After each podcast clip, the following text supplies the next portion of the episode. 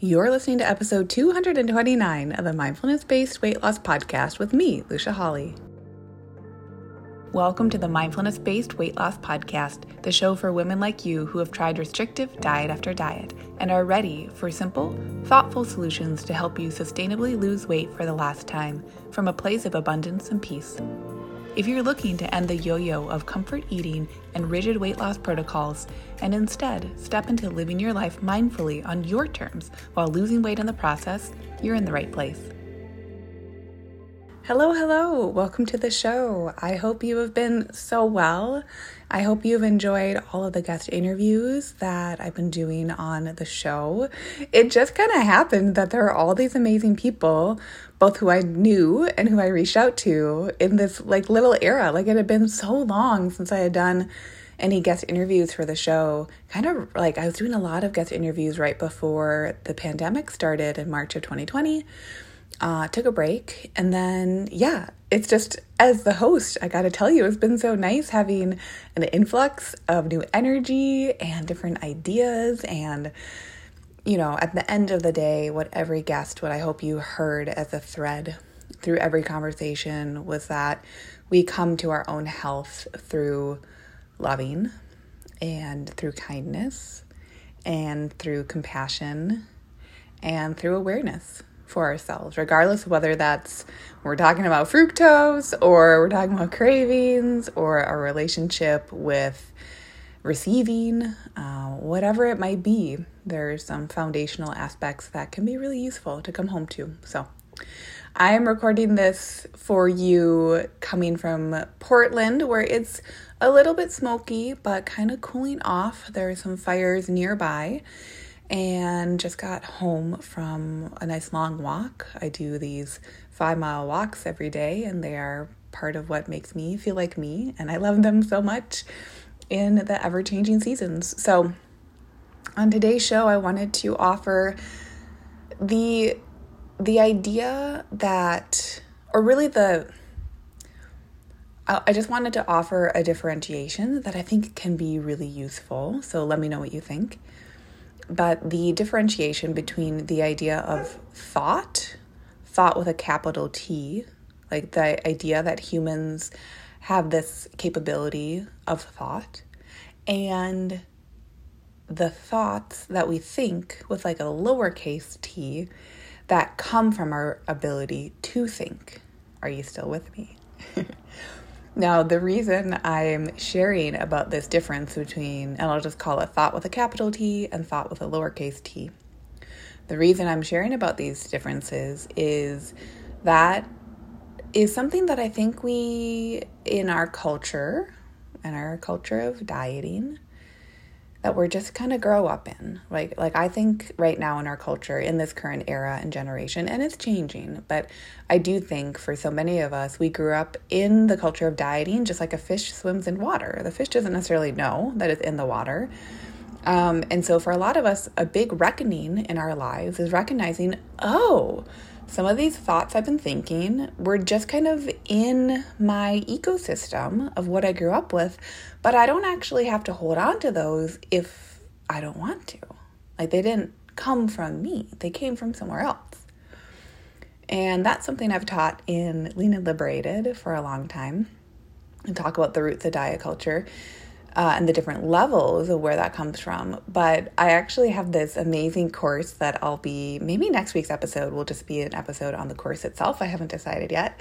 But I have this new course that is self study and it's at a much lower price point. So for those of you who do listen to this podcast and you've checked out Lean and Liberate before, but you've held back due to the cost, I highly encourage you to either get on the wait list or sign up or just shoot me an email to check in and see if this self study would be appropriate because it's much, much, much less um, because it is self guided and it's self paced. So you go through it on your own terms in your own way, and it's perfect. So, the self paced course, you know, as I was creating materials for that, there's a handful of guided meditations and different exercises and I'm I'm still putting the finishing touches on it and I kind of recognize was like, you know what? I'm going to do a bonus module on some of the principles of how humans think, how we are conscious. because once you understand consciousness, and I don't mean it in this spiritual sense. I think when people start to talk about consciousness, often that's it is a very spiritual conversation, and maybe it feels that way for you as we talk about it. So I want to honor that. But I just mean kind of from like a pragmatic point of view. As humans, we have this lovely gift of consciousness, and some of us are more conscious of consciousness than others. There's a spectrum of our awareness of consciousness. And part of what we are conscious of, and part of what kind of increases our consciousness, which is neither good nor bad, but it can be very useful. Part of what increases our consciousness is our awareness that as humans, we use the concept of thought. As humans, we think thoughts. And we think over 60,000 a day. So we think a lot of thoughts. A lot of them are repeated thoughts, they're habitual thoughts. Some of them are maybe less conscious thoughts. They're just either assumptions or beliefs we have about how the world works. And we come to those thoughts, all thoughts, innocently. Sometimes we practice certain thoughts so that they become rote and routine because we don't want to be thinking about them consciously all the time. Think about, you know, when you learned how to brush your teeth, how you think about brushing your teeth now is probably less thoughtful in a positive way, like it's more routine than when you were first learning how to brush your teeth when you were a little kid or when you learned how to drive a car. Your ability to go on autopilot when you drive a car is useful and helpful to a certain extent, but think about right now if you look back on your ability to drive, there are a lot of thoughts that you think as you're driving about driving that are less than conscious. They're coming in and they're coming out. You're letting them come and go. You have thoughts about the seatbelt. You have thoughts about going in reverse. Like there's a whole order of operations when you're driving a car. All of that constitutes thought. At one point, those thoughts were more conscious, and now they're less conscious because that's supportive. Because if we were thinking consciously all these thoughts all day, every day, it would be a little stressful. Like there's some stuff that we just kind of prune from our brains in a supportive way. Okay, so you, you've caught my drift so far, right? Like this is making sense, yeah? So there's thought and our ability to think as as a concept humans think. We think. We have free will and we have this ability to think our thoughts. That's what I'm deeming thought with a capital T. And then there is thought with a lowercase t. And thought with a lowercase t are all the thoughts that we think because of our ability to have thought with a capital T. Okay? All that means is that all those 60,000 thoughts a day, like the actual little um, blips and blops that are the sentences in our brains, those are just the thoughts that come from our concept of thought. Okay? So that right there, I think is what will make or break diet culture. And it's something that I've been teaching with my clients for years, but I never really put it in those ways. Like I've taught that thought, when we think a thought, it creates a feeling. For the most part, we can have feelings that come from other things that are kind of less conscious thoughts, but for the most part, to keep it super simple, thoughts encourage us to feel feelings. And then we feel feelings and we kind of go about our lives. So we take action from our feelings. And then things happen because of the actions that we've taken. And then those things that happen basically reinforce the thoughts that we were thinking, right? That's very common. That's common of cognitive behavioral therapy. That's common. I think it's becoming more common knowledge now that like what we do comes from how we think about ourselves, the world, blah, blah, blah. And then when we do things, that reinforces it. So if we desire change, then at some point we'll want to change how we think. But here's what I want to share with you today is that you can't get to a new feeling by thinking a thought that like you are not this is the difference between you and a computer. And me and like all of us as humans this is the difference between us and computers. Computers you can plug in a different program and it'll run it. With us as humans we'll want to come to a new thought or a different thought organically via having an insight Otherwise, I could be here as someone, or maybe you've experienced this. Your mom has told you something, a teacher told you something, a friend told you something, and you're like, that thought sounds great, but I'm not going to do it. Or like, so maybe you do do something, but it, you don't stick with it, and that new thing you do fades away, and you're like, oh, why didn't I think, why didn't I stick with it? For most of us, the reason we don't stick with the changes that we might actually want, let's say you want to drink more water because you know water is good for you. That's such a classic example, right? Like, oh, you might even recognize, oh, I feel better on the days I drink more water. But after a week or so, I stop focusing on it. And then, like, every couple of months, I'm like, why am I not drinking enough water? For whatever reason, there probably hasn't been an insight that's been personal enough to you that has made sticking with drinking more water, even though you understand logically why that water is supportive, it hasn't made it click emotionally for you.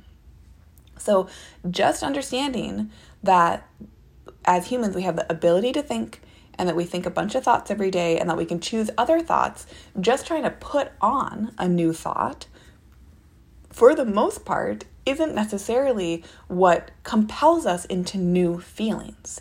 We've got to come to those thoughts organically via having an insight which is inherently emotional. And a lot of us experience insights in our days and our weeks and our months, but I think we can forget that insight is a process that we can't quite force. And so, the reason today I'm talking about thought with a capital T and thought with a lowercase t is to remind you because I think a lot of people who listen to this show, you want to have a lovely life and you want to do good things for yourself and for other people.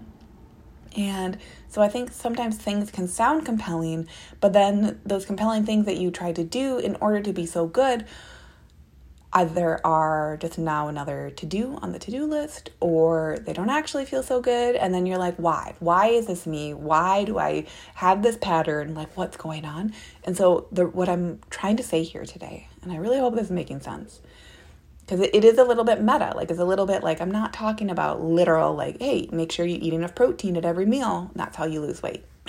like, we don't that's not that's just not the conversation that I find compelling, quite frankly. And I don't think many of you do either, because I bet a lot of you have already thought about your damn protein levels at your meals. And you're like, yeah, I've had that conversation. Okay, great.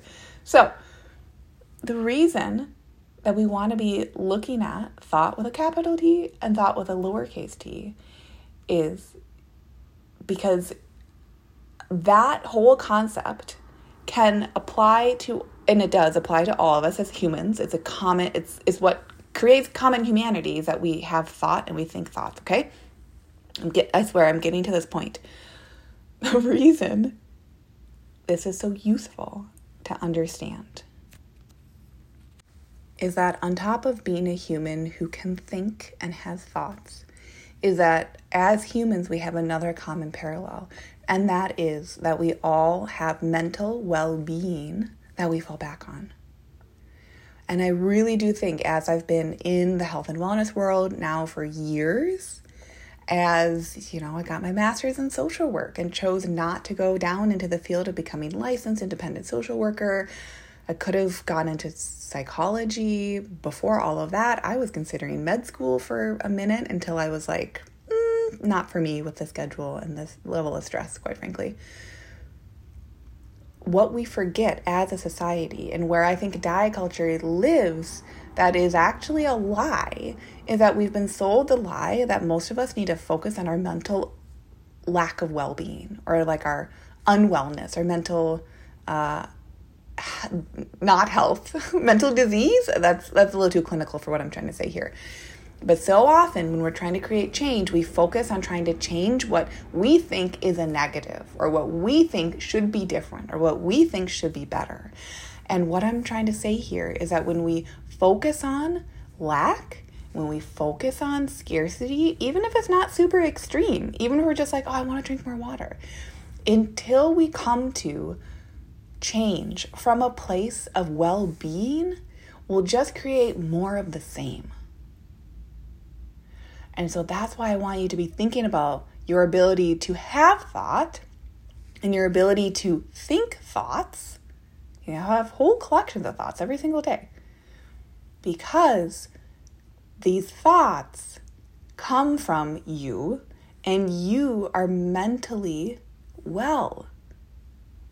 And sometimes our thoughts, we can have thoughts about our inherent ability to be peaceful and be content and to experience love for ourselves and to be kind to ourselves, we can make so many assumptions, which are just thoughts, and they can tell us stories about who we are, what we're doing, why we're here, that don't actually come back home to what is most natural for us, which is being well and having mental well being. And I think this is so hugely important, and it's a missing piece.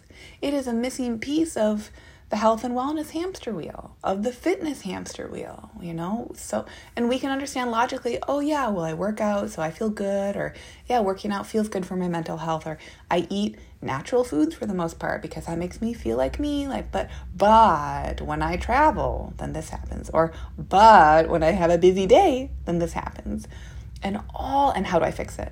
And that whole entire dialogue is coming from the diet culture assumption that something's gone wrong or that you aren't always working in and from your own mental well being. Versus what I'm trying to share here, and what I've always been sharing here, but what I'm trying to illuminate on the show today when I'm talking about thought and thoughts, is that just get curious this week about your thoughts.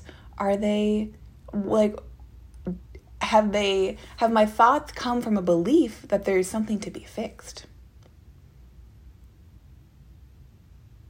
Because i'm trying to say to you that that's a story from culture that you're broken that something wrong or to be fixed.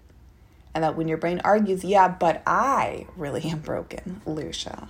You might not be, but I am because of this label or that diagnosis or this handful of diagnoses or because of this that's happened in my life or because of this trauma with a big T or a little t or what have you. I am unwell. I really want you to get so curious. What if that's the story? And that's the thought that's just coming from your ability to think. I'll tell you, to me, that is one of the most freeing things. Is that as humans, we have a commonality of our ability to think, and so we all think thoughts. But we are not our thoughts because they're just an ability that we have. That means any thought that we're thinking isn't us. It's just a little script. And it's gotten us to the present moment, so how lovely but if we're feeling that there's friction or there's something wrong or bad, focusing on more wrongness and more badness probably isn't the ticket out of that. probably the ticket out of that is simply noticing, oh, they're just my thoughts. I don't have to fix them. I don't have to change them. As I start to notice that they are just thoughts that I'm having, I might have some insights as I'm with that. I'm not trying to escape a feeling, I'm not trying to get out of a feeling. I can notice my feelings. I can be with them. And I'm going to leave the episode at that for now because I could say so much more. But this is something that I'm going to be adding into this new course that I'm outlining because I've I've have I have finished the course and then I recognize like I want to make sure that we're all on the same page about mental well-being. And this is not to argue the field of psychology, like this is not we're not doing anything radical here. I'm just saying no matter who you are and what you've gone through, you've gotten to this point, so there is mental well-being in you.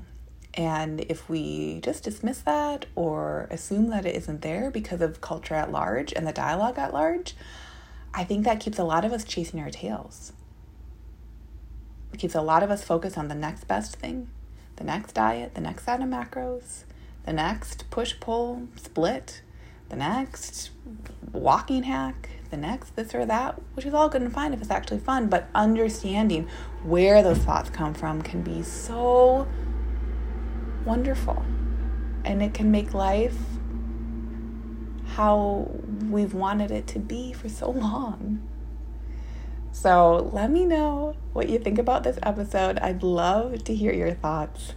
Um, and next week, I'll make sure to chat more about the new course, what's in it, and I'm so excited to get it out to you. It is this, I think it's just, it's a really wonderful resource because I'm not telling you what to do, I'm offering some ideas uh, for how you can come home to your mental well being because it's already there. You are already well. And I say it in the course whether you want to lose 150 pounds, 1.5 pounds, 1.5 ounces, for real, like this is the path is the same. And it's just a few simple techniques that can offer to you that feeling of well being. But it's not the techniques themselves that make or break that. It's this recognition of, oh, I'm having some thoughts and I'm a human. How lovely is that? So, until next time, enjoy your week. Have such a lovely one. And I will see you then. Bye. Hey, if you love today's show, I'd love for you to take a minute and give a rating with a review. If you too are ready for more women to make life choices from loving mindfulness, that means we need more women listening to this message so they know it's available to them and they can do it too. And if you're ready yourself, come join Lean and Liberated, where we'll work together and you'll learn how to take this process to the next level in your weight loss goals, life desires, and beyond. Go to luciahawley.com, that's L U C I A H A W L E Y.com to connect.